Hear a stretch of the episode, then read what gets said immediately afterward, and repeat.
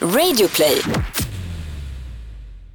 Och det är inte bara det att det är vem som helst utan det kan ändå vara folk som, vad ska man säga, inte inom branschen, men folk som ändå är så insatta i hbtq-tematik och som jobbar med det dagligen, men som ändå bara, ja men, lura inte dig själv. Du är ju bög. Men hur kan du veta, hur kan du veta, hur kan du veta vad som sitter i min hjärna? Hej Anton! Hallå Tobias! Och hej till dig som lyssnar på Regnbågsliv! Vi pratar om allt under regnbågen och är jätteglada att du är med oss varje torsdag. Ja, vi är så glada. Ja exakt, idag är vi på hugget verkligen. Jajamensan, visst är vi det glada toner. Eh, Jag har varit på en av mina absolut största barndomsidolers konsert. Jaså du, jo men det här såg jag på din Insta-story.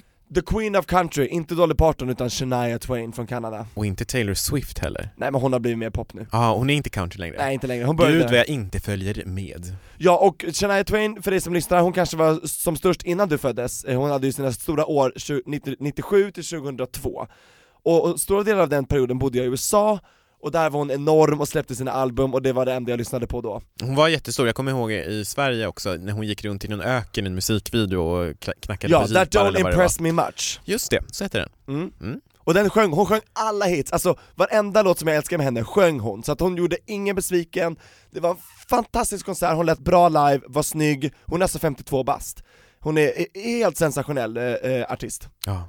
Det är farligt att göra stage time, man kan dö, men det är inte så många som gör det. Men alltså, Ja. det, det, alltså det var jättekul, eh, så att ja, det kittlar i magen, Just det. gör det nu, för många anledningar. Men grattis till dig, det låter som att du har haft en superhärlig vecka sedan vi såg sist. Det har jag haft Anton, och jag vet att du ska göra dig redo för att resa. Förra veckan har du precis kommit hem och nu ska du precis dra igen. Absolut. Och jag ju säga också, vi har ju med oss eh, Oskar Sternulf idag. Vi ska snacka om hans eh, pjäs komma ut. Vi ska Som han har varit med på om... resande fot. Precis, och vi ska snacka om hans bok. Gay, straight eller mittemellan heter boken.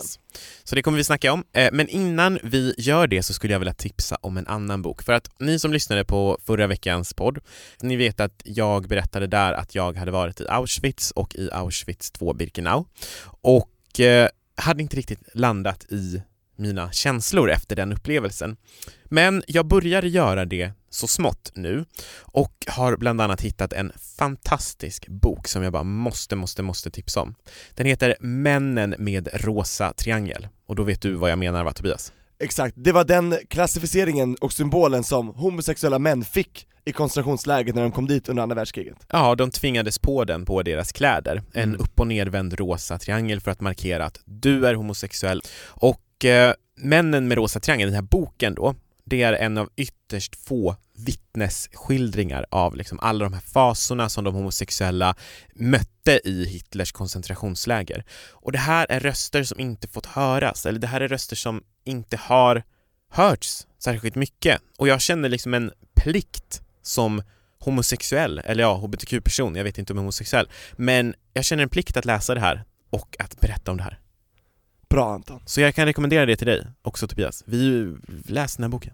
Jag ska verkligen försöka göra det. Ja. För det var tydligen någon fångvaktare som blev kär i någon fånge och det är väldigt spännande historier. Ja, så det är ju vittnesskildringar Mm. inifrån då, hur det var att leva som homosexuell. Dels på den här tiden men också i själva koncentrationslägret då, eller lägren. Det finns mycket att lära av det här. Verkligen. Så du som eh, vill läsa den, Männen med rosa triangel heter den. Om den inte finns att köpa så finns den säkert på ditt närmsta bibliotek, annars kan du be att de beställer in den. Mm. Fortsätt att kämpa mot alla former av extremism. Precis. Nu ska vi gå över till veckans avsnitt och veckans gäst. Jo men det är ju Oskar Sternulf, skådespelare, eh, och aktuell nu med sin första debutbok som jag brukar säga, ha, alltså hans debut. Inte den andra debutboken då? Kan Nej, man ha det en är andra debutbok? Det kanske man kan, Mm. men nu är det i alla fall den första. Just det. Gay, straight eller mittemellan. Jag tycker vi tar in Oskar Sternulf. Välkommen in Oskar Sternulf Tusen tack. till Regnbågsliv. Och jag måste fråga dig innan allt annat, Sternulf, är du släkt med Karin Sternulf, frikyrkepastor? Nej, det finns faktiskt bara tre Sternulf i Sverige, i hela världen. Mamma, hon är pappa från jag. Småland. Ja men det finns ingen Sternulf. Hon måste heta något annat. Nej hon heter Karin Sternulf.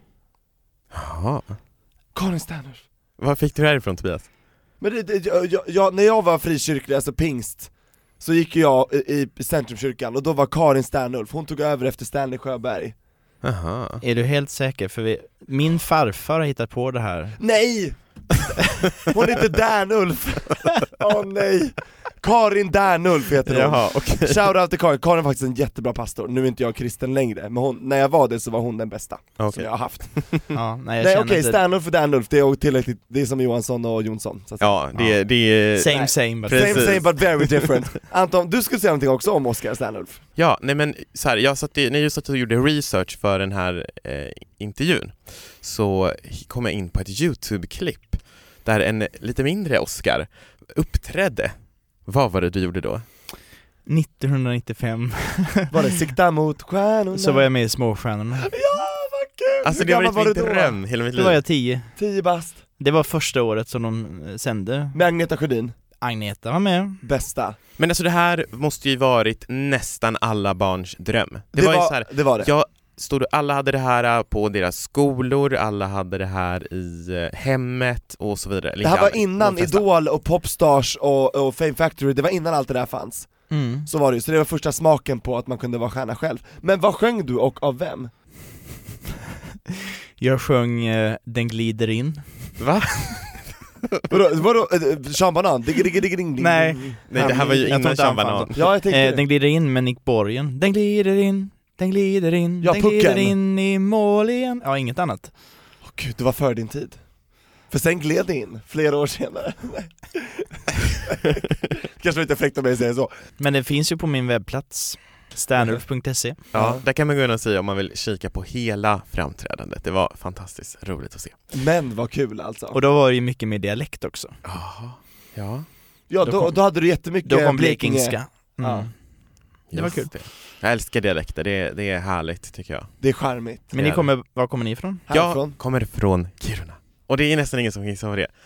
För Antons dialekt är som bortblåst. Men inte när jag varit hemma vid jul, då pratar jag jättemycket norrländska. Nu tycker jag vi ska prata om dig Oskar och eh, din föreställning, för nu har du ju faktiskt firat 300 framträdanden. Alltså det är ju värt en Ja, det- liten klapp där alltså. Verkligen. Men tusen tack, tusen Du har tack. kommit ut 300 gånger, kan man säga så? Ja, det kan man säga. På scen i alla fall. 300 gånger. Blir det lättare för varje gång, eller hur känns det? Det känns ungefär likadant varje gång. Mm. Det är inte, det är inte svårt nu för tiden. Nej. Men det är, det är väldigt intressant för den här föreställningen den vänder sig inte bara till skolungdomar utan jag har ju spelat den på tiotal Pride-festivaler, bland annat Kiruna då. Eh, på museer, på olika företag och så vidare och så vidare. Men främst så spelar jag på skolor för 15-16-åringar och det är ju den åldern som är den känsliga åldern att komma ut eller sin identitet och sin sexuella läggning. Så det är väldigt medvetet såklart att spela för just dem, för de behöver se den här. Absolut, absolut. Jag årskurs 8 uppåt, det är inte årskurs 7 för jag känner där är de lite för unga för att på något sätt kunna ta in det men jag, jag känner att årskurs 8 är väldigt bra att Mm. börja med. Ja, du är nog till helt rätt ålder. Det är precis, det är en sån föreställning hade väl både du och jag velat se när vi gick i åttan kanske? Det hade varit mycket roligare att göra det än att ha någon tråkig lektion som man kanske inte ens hade när man berörde det här ämnet. Ja men precis, man kan Mm. ju, det, det ena utesluter ju inte det andra så. Nej men fan, fantastiskt, och för den som inte vet, kan du berätta lite om föreställningen? Föreställningen heter Komma ut. Den är till 50% helt påhittad. Den är till eh, 30% inspirerad av en intervjubok som heter just Komma ut som är skriven av Anders Örman, chefredaktör på QX. Och 20% så är den självupplevd. Så, så det är ju väldigt mix av alltihop och jag, det är ju en ganska vanlig fråga jag får efteråt. Hur mycket av det här är du? Vem, vilken, vilka av karaktärerna finns och inte och så vidare. Och vilka scener har hänt dig liksom? Ja men precis. Och det Det- säger jag ju inte. Nej, men du säger i alla fall att det är en scen när moster tar huvudrollskillen till akuten, Ja. eller till vårdcentralen och vill bota hans homosexualitet, och den är inte självupplevd. Nej, Din moster gjorde inte det mot dig. jag har ingen moster så det Då är det omöjligt att det är Ja men däremot har jag en annan släkting utan att säga för mycket som har valt att ta avstånd med hela familjen. Va? Mhm. Är det, det är alltså någon, på någon sån här foster, moster, faster, farmor, farfar nivå alltså? Ja, en släkting. En släkting? Mm. Som I Blekinge? i Blekinge. Mm. Och det är, det är inte, alltså Jag har ju alltid vetat att den här personen har haft lite tråkiga värderingar. Vi har alltid haft en väldigt bra kontakt förut. Men eh, när jag hen fick reda på det sist och eh, reagerade på det sättet som jag trodde och valde att säga, eller skrev då på Messenger där vi skrev att ja men du vet min ståndpunkt är detta så jag väljer att På Facebook, Men det tycker, vad jag, jag lågt! tycker det är så sjukt så här. man bara du gillar killar så därför gillar inte jag dig. Alltså det är, ja jag fattar inte. ja, det, Och problemet är det också att hen vet dessutom att jag är bisexuell så det borde ju då borde ju ändå chanserna man säger vara att jag kan, att jag har haft förhållanden både med tjejer och killar så jag, det borde ju finnas på något sätt lite så ja ah, men han kanske kommer bli ihop med en tjej men nej det hjälpte inte. Det hjälpte inte att jag bara var bisexuell.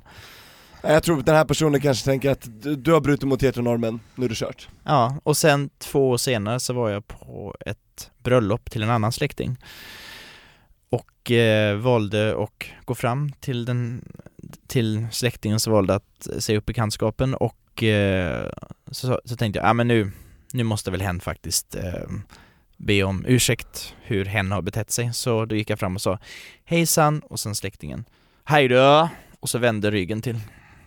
Jag bara, jaha, okej. What? Det låter inte som så mycket att hänga julgranen eller behålla. Nej, alltså nu har vi ingen kontakt längre och det är väldigt tråkigt att, att folk är fortfarande 2016, 2017, 2018 har den här attityden men jag hoppas på något sätt att på någon, någon gång i framtiden att personen kan be om ursäkt men jag har väldigt svårt att se det. Men Ja. hur har andra släktingar reagerat mot den här släktingen då? Ja, eh, de har ju valt att ta avstånd från det. Jaha, Ja, så... men är den släktingen helt isolerad nu eller? Den har väl en egen familj med, Nej, det har... inte? inte? Nej. Ja, inte direkt utan Jaha. har valt det här att vara, istället för att svälja stoltheten och be om ursäkt så har personen valt att bli mer för sig själv. Det är väldigt tråkigt. Jag lider ju inte av detta. Jag Men du hoppas ju, ändå på någon slags förening? jag vet, alltså jag tror det, det är för sent nu. Det har Ja. gått två och ett halvt år efter. Och det är efterkonstruktioner om att jag skrev pjäsen som en hämnd men Oj. det intressanta är att, att jag skrev ju pjäsen 2014 innan det här ens uppdagades så det är ju lite, det, det, det går liksom inte ihop att jag skulle ha skrivit det som en hämnd. Och varför skulle Nej, jag, just det. dessutom är det här, återigen, det här är en pjäs, det är inte en det är inte en verklighets, det är inte en föreläsning om mitt liv utan det här är ju en, faktiskt en föreställning som är så pass mycket påhittad och det ska vara en röd tråd och så vidare och så vidare så Jag har ju skapat, jag har ju skapat en historia för att det ska vara intressant att se också Inte bara för att den ska vara sann utan det ska vara lite, det ska vara Mm. humor, det ska vara allvar, det ska vara lite fakta ja. Med några få inslag från ditt eget liv? ja men precis Vilken konspirationsteori att så här, pjäsen är skriven för mig. Kanske till och med den här boken. Ja men precis, ja men precis Jag skulle säga, smickra inte dig själv släkting, du vet vem du är. Ja, det där, det är... Nej, man blir ju inte imponerad. Nej, verkligen. Och tyvärr så händer det ju fortfarande liksom 2018. Absolut. Och där en ytterligare ett kvitto på att eh, den här pjäsen som du gör eh, behövs. Och att den här boken eh, som du har skrivit som vi ska prata om lite längre fram. Ja, den har vi läst. också behövs. Ja, absolut. Mm. Men jag tänkte innan vi gör det så tänkte jag eh, fråga dig om, för du nämnde att du är eh, bisexuell. mm. Vad är den vanligaste fördomen du som bisexuell möter? Det är ju faktiskt från bögarna Inte heteropersoner Mm. Det är Berätta. bögarna, det är det här Det är bögarnas fel. Ja, det är, det är, i det här fallet är det faktiskt bögarnas fel. Den vanligaste som är så trött, tröttsamt, ja men det är ju bara en fas. Men hur kan man säga det när, när det är liksom det många bögar Ja men? Varför exakt, jag fattar inte det. Och det, och det är inte bara det att det är vem som helst, utan det kan ändå vara folk som, vad ska man säga, inte inom branschen, men folk som ändå är så insatta i hbtq-tematik och som jobbar med det dagligen, men som ändå bara, ja men, lura inte dig själv. Du är ju bög. Men hur kan du veta, hur kan du veta, hur kan du veta vad som sitter i min hjärna? Ja. Det är ungefär som att jag kan, jag till exempel, jag är ateist, jag tror inte på Gud, men jag kan ju aldrig ifrågasätta någon som är kristen eller muslim. Om de tror så tror ju de, det kan ju inte jag säga, nej, du tror egentligen inte. Det är bara någonting i din hjärna. Ja, fast hur, Nej, jag, jag sitter ju inte i din hjärna. Tror inte ni att det kan vara så att, att eftersom att bögar är en minoritet, så vill de gärna se varje chans till att få en ny allierad? Nej, jag tror jag inte tror faktiskt det. det, Nej. jag, jag tror det, Uh-uh. jag tror det här, att då blir det så här, nej men om du, om du är med oss, då blir vi fler och då kan vi göra vår röst hörd. Tror ni inte bara att det är någon slags kollektivt, jag gissar det, framförallt äldre män som jag har mött också som Nej. säger så här: det är bara en fas, då, då blir det så här, nej men då förlorar ju vi någon om det ska vara en egen kategori. Jag tror att det här är bara en självisk, egoistisk Nej, men eh, jag, tanke. jag, jag tror inte att många Jag utgår från att, att man ska rekrytera liksom andra bögar. Nej, men jag, tror äldre tänker Jo, så att det är så här, det här- vi vill ha fler i vår ringhörna för, för att göra vår röst Men starkare. det här, det här är inte äldre som säger det här till mig. Inte? Nej, utan det är ju Men då, är- då är det yngre också som håller på så här och vill ha fler i ringhörna. Nej, men jag tror faktiskt, jag har Jag en teori. Min teori går ut på att Hönsgård. eh, det här är personer som själva har liksom först kommit ut som bi, för det är ganska vanligt att man kommer ut som bi och sen kommer ut som bög. Extremt vanligt, det är Ja. nästan alla i princip. Och då kanske de tänker att så här, ja, men jag har också varit i den fasen, du kommer komma ur den fasen. Att det är därför, att Jo, de bara till jag, sig själv. Jag kan ju inte haft fasen i typ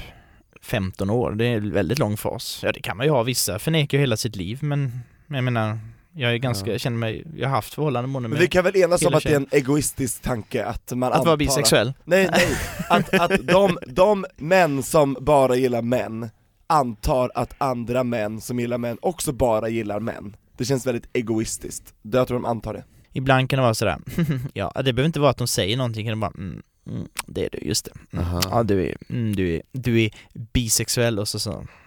Ja. Ja. Ja men det är jättekonstigt att det finns så mycket fördomar också i våra eget liksom, Ja men det, det är ju community. framför alltså Det är ju inom communityt jag tycker det är mest just vad det gäller mot bisexualitet Vad det gäller heteropersoner så är det så här, de vet att det finns hetero, homo, bi, trans De lär sig även nu att det heter transperson, alltså de, eh, eh, Heteropersoner tycker jag är extremt öppna, de lär sig mer och mer och de vill lära sig mer och mer också så jag tycker det är Men det är för att de vet att de är majoritet och har inte tolkningsföreträde, så de går på nålar, de ska vara jävligt försiktiga med vad de säger till Mm. minoriteter, det är Ja. därför, det är bara därför.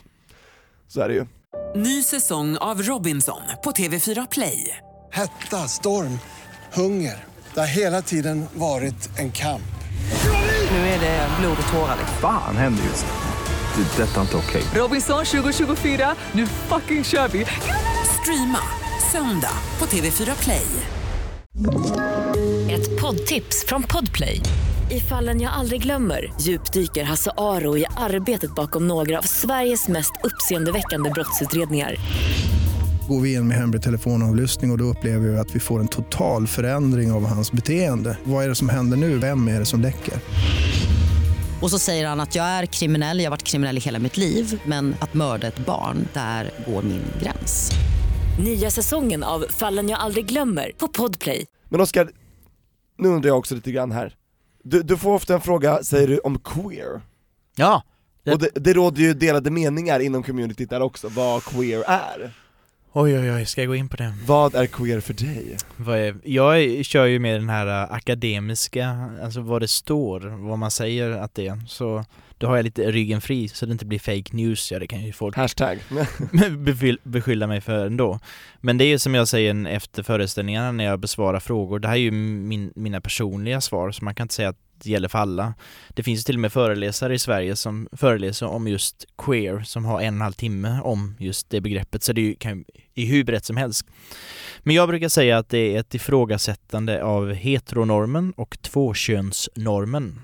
Att allt inte är svart eller vitt. Vissa ser sig som han, vissa som hon, vissa som hen, könsneutralt, vissa som hin, den där. Ja just det, hin är också intressant, det har vi inte pratat så mycket om, mest och hen. Vissa ser sig som den, vissa ser sig som det. Så det, alltså, det finns ju så, och bara för att jag sitter här nu med er, jag har en, en förlovningsring här, jag låter Gratulerar. Tack så mycket, för en månad sedan ungefär. Woo. Eh, jag, nu, nu ser man inte det i podden, men jag ser ut som en man, jag låter som en man och för att jag har en eh, förlovningsring på fingret så behöver inte det betyda automatiskt att ni ska tro att jag är tillsammans med en man bara för det, eller förlåt, med en med en tjej bara för att det är normen och säger jag att jag och min partner ska ut och resa, ja men vad gillar hon att resa? Säger jag, använder jag mig av ett neutralt uttryck Använd då gärna neutralt uttryck tillbaka. Jaha, vad ska du och sambon åka? Så det inte bara blir för givet att, ja men vad ska du och din tjej åka? Utan tänk lite mer queer, tänk lite mer öppet. Så du försöker liksom undervisa din omgivning Ja, men-? Ja, och jag tycker definitivt, jag blev lite ifrågasatt av en, en tonåring redan för, för två veckor sedan om det, men jag tycker att även heteropersoner kan ha ett queer-tänk, definitivt. Det tycker Till exempel vid anställningsintervjuer, om, man, om det är intressant att veta om de har någon partner, då använder man sådana neutrala ord ja, hela tiden. Och man får ju inte, hört. och man får ju inte ens fråga om sexuell läggning på en anställningsintervju. Får man fråga om de har en partner? Jag tror inte man får det för det är relevant för anställningen. Men jag vågar inte riktigt svära på det. På vilken anställning? Ja men precis. Ja men jag tror inte, alltså du, Ja. det är likadant, du får inte fråga en tjej om hon vill ha barn eller inte på en anställningsintervju. Förstår du mellan en tjej och en kille i, som sista två personer och killen får det jobbet, om man har frågat tjejen om det, då kan hon gå till diskrimineringsombudsmannen. Precis. Det är Mm. mycket, mycket som går in i det här. Mm. Ja men verkligen. Så det är väl, det är väl queer. Kort, det här var ett kortfattat svar. Ja, icke-binärt liksom. Mm. Mm. Vi kanske ska med någon så här queer-teoretiker i podden längre fram. Ja, det låter Om du har några bra tips så tar vi gärna emot det. Ja, jag känner ingen queer-teoretiker, men jag vet att folk föreläser om det i alla fall. Mm. Ja, men intressant. Den här föreställningen som du har nu spelat 300 gånger, Över 300 över 300 gånger nu. Ja. I föreställningen så eh, brukar du avsluta med att eh, eller de, publiken får skriva ner frågor. Precis. Berätta det. på lappar. Det stämmer. Gud vad ni är pålästa. Jajamän. Bra grabbar. Det är nästan som att vi har sett den. Ja, precis. får ni göra någon gång. Jajamän. Jo, eh, föreställningen är cirka 50 minuter. Sen får eh, publiken skriva ner frågor anonymt och individuellt under 5-7 minuter. Och jag brukar alltid säga det, ni får gärna skriva sex frågor, men inga sex frågor.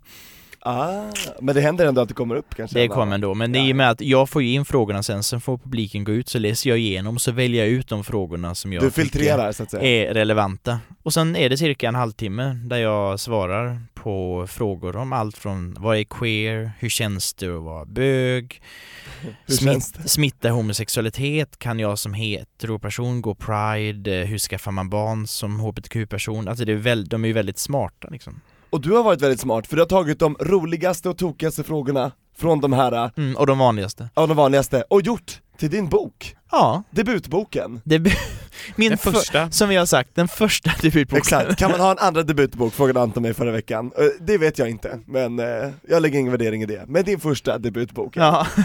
Gay, straight eller mittemellan? heter boken ja. ja. Idén kom av att jag, jag sparade alla lapparna från början och eh, hade även hjälp av en, eh, nu är inte hon kvar längre, men min eh, kära kollega Ida. Hon har inte gått bort eller? Nej nej nej, nej. Hon, har, hon, har, gått- hon har gått vidare i Ja, livet. I karriären? Så Ja. Men Så- ni samarbetade då? Ja, vi samarbetade då och hon hjälpte mig mycket med att eh, sortera frågorna och skriva ner dem och ta dem i olika kategorier. Så det var allmänt, det var familj, det var fördomar. Och sen eh, fortsätter jag med arbetet efter, efter ett tag och sen eh, har jag sammanställt då en bok med de absolut roligaste, knäppaste och vanligaste frågorna enligt de kategorierna då. Och eh, har även en del som är med definitioner från A till Ö i princip. Allt från, ja men även vanliga begrepp som straight och eh, homosexuell och hbtq-person men även det som folk kanske har svårare för att veta vad det är icke-binär och pansexuell och, och så vidare och så vidare. Och du kan allt det här? Jag kan det mesta i alla fall. Jag har ju, alltså, jag har ju lärt mig så otroligt mycket. Det var så kul, jag var på, för några veckor sedan så gjorde jag min internationella debut med just komma ut i Oj. Helsingfors och spelade där. Dock på svenska, för det var på den finlandssvenska scenen på Luckan som är deras eh, kulturcentrum. Vad skönt att slippa göra det på finska. Det hade varit svettigt. Jag gjorde, jag gjorde Mamma Mia, musikalen på finska i våras. Det var svettigt. Wow! Men det, det var spännande. Kan du finska? Nej, inte, absolut inte. Men jag kan ju lära mig repliker och sångtexter. Precis, men, det var, men det var svårt, det var svettigt, men det var kul. Men där, då pratade jag just det här med det som jag tror att vi in, inom HBTQ plus communityt gör fel, det är att vi tar för givet att folk kan alla begrepp hela tiden och att vi på så sätt kanske blir lite nedlåtande eh, mot heteropersoner och då kanske de backar istället för de kanske vill lära, det är bättre att var öppen och försök alltid svara, även om du tycker att frågan låter dumt så se ändå, se ändå till att svara på den. Men då sa jag så här, ja för det är inte alla som vet att, ja men om du är en, ehm, en icke-binär queer-feministisk transperson, det är ju inte alla som vet vad det är och då var en i publiken, ja det är jag. Så man, alltså det är så intressant för det är inte alla som kan vet vad de begreppen betyder och hur man ska förklara dem. Då menar den personen att ja, det är jag som inte vet, eller ja, det, jag är icke Ja, det var det som var så komiskt. Det var Ja. faktiskt en person som var icke-binär queer-feministisk Ja, okej. transperson. Jag bara oj, det är ju verkligen alla begrepp. Eller många av dem i alla fall som är, som många har svårt att definiera. Ja, jag håller helt med dig, man ska inte ta så jävla illa upp, man ska tänka på var det kommer ifrån och i vilket syfte, och så tar man det därefter. Mm lär istället för att skrämma bort, jag håller helt med dig. För det, jag tror det, ja men jag tror det är väldigt lätt annars att eh, folk blir sådär, ja men de ska alltid vara så märkvärdiga och de ska hela tiden, de ska ha sin, sina prideveckor där de går omkring nakna, vilket inte stämmer längre men om inte bemö- jag skulle aldrig bemöta okunskap med att håna eller hata. Det, alltså, det, det hjälper inte för då blir man ju på en sån här sandlådenivå utan jag har tre saker som jag bemöter med alltid. Kärlek, kunskap och humor. Det är väldigt viktigt. Fantastiskt, jag håller helt med dig, för hur skulle det se ut om lärare i skolan skulle håna eleverna när de inte kan någonting? Mm. Då skulle ju alla skolka, ingen skulle gå i skolan. Verkligen. Så att jag håller helt med dig där, helt Mm. rätt inställning. Men jag tror att det är väldigt viktigt att man har det. Men samtidigt så har jag också viss förståelse för de som blir väldigt frustrerade i, alltså till exempel man blir felkönad Dagligen liksom, kan ju vara Ja jobbigt. men precis, och då tror jag att det här tålamodet till slut kan liksom bara ta slut och man bara, åh, fatta. Det kan jag förstå, men om man, om man säger att man är icke-binär, ja, som jag sa, alltså, det är inte, förklara det istället. Alltså, jag möter ju, vi möter ju fördomar varje dag om att, jaha men, ja, jaha du är ihop med en man, men vem är mannen och kvinnan i förhållandet? Alltså, och det är den så här, är så tröttsam, oj Anton och jag har pratat om det massa gånger alltså. Ja, och det är så här, och då, då förklarar jag lugnt och stilla att jag är man, min fästman är också man, vi är två. Och, och jag tycker det, jag använder, nu är jag ju helt insnöad i just det här med genus och normer, men jag använder till exempel inte längre begreppet maskulint och feminint, för jag tycker det är så missvisande, utan men vad är maskulint? Är det det att du eh, visar dina känslor och syr gardiner och tar hand om barnen? Och är feminint är det då du är hård och kör gräsklipparen och steker på eh, köttet på, på eh, sommaren och meckar med bilen? Nej, utan det ska ju vara tvärtom om man nu ska se till om man inte har det här queer-tänket utan eh, så jag, jag använder hellre hård, mjuk, len, känslosam istället för att det ska vara någonting som är könsbaserat. Mm. Det, är- det är också ett sätt man kan göra. Det Ja, jag absolut, och det, det är ju väldigt eh, viktigt. Exakt, Ja. det som är modernt nu, det är att säga kvinnligt kodat och manligt kodat. Men det är återigen, jag tycker det är så himla missvisande för det, den som framförallt det är ju min personliga åsikt. De som framförallt eh, förlorar på det, eller vad man ska säga, det är ju kvinnorna. För det är alltid, feminint har alltid varit det som är negativt. Att man ska visa känslor, varför det skulle vara negativt fattar inte jag, men att man ska visa känslor, man ska vara svag, man är det, man är det svaga könet. Jag förstår inte varför, varför ska vi då uppmuntra till det, utan det är bättre att använda sig av mer, in, ja, inte köns, könsbaserat. Det jag kan känna är någon slags, vad jag tror att folk har tänkt, det är att man ska visa hur det var då, det här var kvinnligt kodat enligt gammalt tänk och nu går vi mot nya tider. Bara så att man då, i och med att man pratar om saker, lär kanske folk hur det har setts tidigare och hur vi ser på det nu. Mm. Liksom förstår ni? Det här är ett kvi- kvinnligt kodat namn enligt gamla tänk, och nu är vi mer neutrala. I alla fall, jag tänkte komma tillbaks till den här grejen eh, angående att va- varför det verkar som att släktingar har svårare att ta att man kommer ut än de som man inte är släkt med. Mm. För det måste en fråga som du får också, att, och det märker jag i min egen familj så här, ja att den personen, och i andras familj också, ja men att du är, är inte hetero, det är lugnt, men om jag var det, då skulle min mamma bara så här rasa och la la la. Varför tror du att det är så? Ja, vänner kan du ju välja. Och välja bort då alltså? Precis. Familj kan du inte välja eller välja bort. Jag tror det är, det är därför det blir så här det är him, så himla lätt att du som, som familjemedlem kan vara öppen och, och verkligen tänka på ett positivt sätt när det inte drabbar din egen familj. Och så märker man, shit, det här berör ju faktiskt mig, så därför tror jag det kan vara svårare. Och, det, och en släkting kan du inte välja bort. Men sam, Ja. samtidigt så, det viktigaste en förälder kan göra det är att älska sitt barn. Och det, jag kan också få sådana frågor, ja men tycker inte du det är bättre att det ska vara en man och en kvinna som har barn? Fast i alla tider har det ju varit eh, barn som har växt upp med en förälder till exempel och de har ju klarat sig väldigt bra ändå. Och det viktigaste är sagt är att föräldrarna älskar sina barn, inte att det är en man och en kvinna, jag förstår inte. Exakt, att man och kvinna är ingen garanti för en bra uppväxt, det är verkligen precis Men jag tycker det är så intressant bara det, för jag har haft många kompisar som har sagt så att Och deras mammor älskar mig, de lagar mat till mig varje gång jag hälsar på. Men skulle de själva vara som jag, då skulle mamman bara liksom ge dem en käftsmäll. Alltså det tycker jag är så, det är sånt hyckleri på något sätt alltså. Ja, och jag tror att... Eh, Har du mött det själv? Jag tyckte det, alltså mi, mina föräldrar tyckte det var lite jobbigt i början. Men då så eh, tog jag kontakt med Stolta föräldrar som jag verkligen kan slå ett slag för. Jag hoppas verkligen ni kan intervjua någon från Stolta föräldrar Bra tips. framöver. Stolta föräldrar är alltså en organisation som finns i hela Sverige. Det är föräldrar som har barn som någon gång har kommit ut. Vi, vi får inte glömma det, även om vi har vår komma ut-process så måste vi också låta föräldrarna få sin komma ut-process. Men inte på bekostnad av vår egen. Nej, absolut inte. Precis. Nej. Men det som är så bra, det är att då ringde jag till Elisabeth på Stolta föräldrar i Stockholm, så ringde hon till min mamma som bor i Blekinge och så pratade de i en och en halv timme i telefon. Åh vad bra. Och efter det så var det som mamma var en helt ny person, för man får inte glömma det. Vuxna behöver också prata, det är inte bara barn och ungdomar som behöver, vi behöver alla få stöd, vi behöver alla prata, reflektera, analysera. Och vad skönt att prata med någon som har gått igenom samma sak som Ja, man går igenom nu. precis. Vad skönt, vilken trovärdighet och förtroende man kan Ja. få då. Så stolta föräldrar, de är väldigt bra. Hint hint. Mamma, Mm. ring dem. Och vi har ju väldigt många stolta föräldrar som lyssnar på podden vet jag. Kanske inte just som är med i den föreningen men det brukar ju vara många Jo, det, föräldrar som jo jag vet. Och vi har haft med mamma Harrison också till Victoria, har varit med också. Och Maria Järn som Ja, och mamma. varit väldigt stolt över sina barn. Ja, och jag, jag vet till exempel att eh, Katrin som eh, jobbar med Stolta föräldrar nere i Blekinge, som startade Stolta föräldrar där nere, hon säger det är en enda podd som jag aldrig missar och det är Regnbågsliv. Åh vad fint! Gud vad glad jag blir. Så hon Åh. kommer lyssna på det här också. Åh, Du vet vem det är, tack så mycket Katrin. Puss till dig. Verkligen.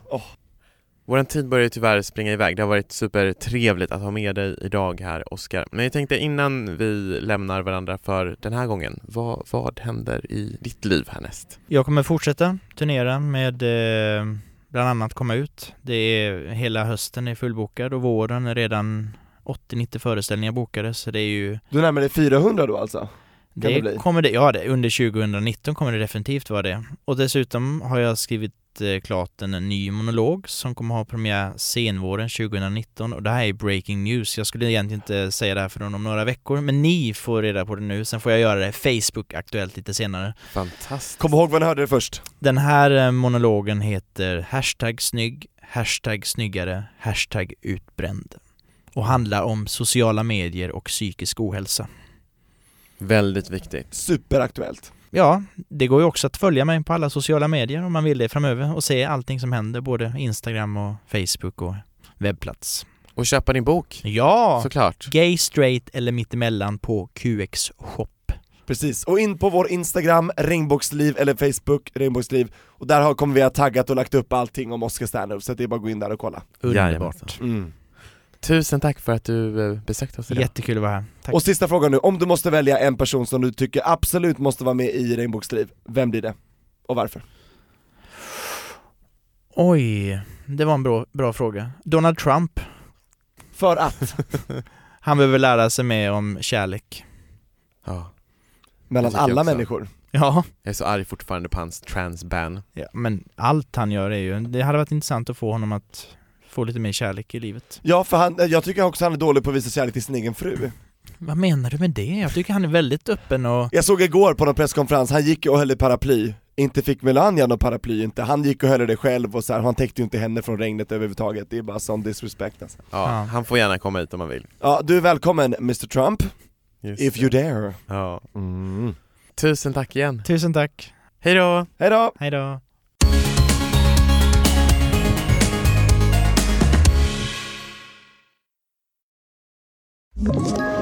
Ett poddtips från Podplay. I fallen jag aldrig glömmer djupdyker Hasse Aro i arbetet bakom några av Sveriges mest uppseendeväckande brottsutredningar. Går vi in med hemlig telefonavlyssning och, och då upplever vi att vi får en total förändring av hans beteende. Vad är det som händer nu? Vem är det som läcker? Och så säger han att jag är kriminell, jag har varit kriminell i hela mitt liv men att mörda ett barn, där går min gräns. Nya säsongen av Fallen jag aldrig glömmer på Podplay.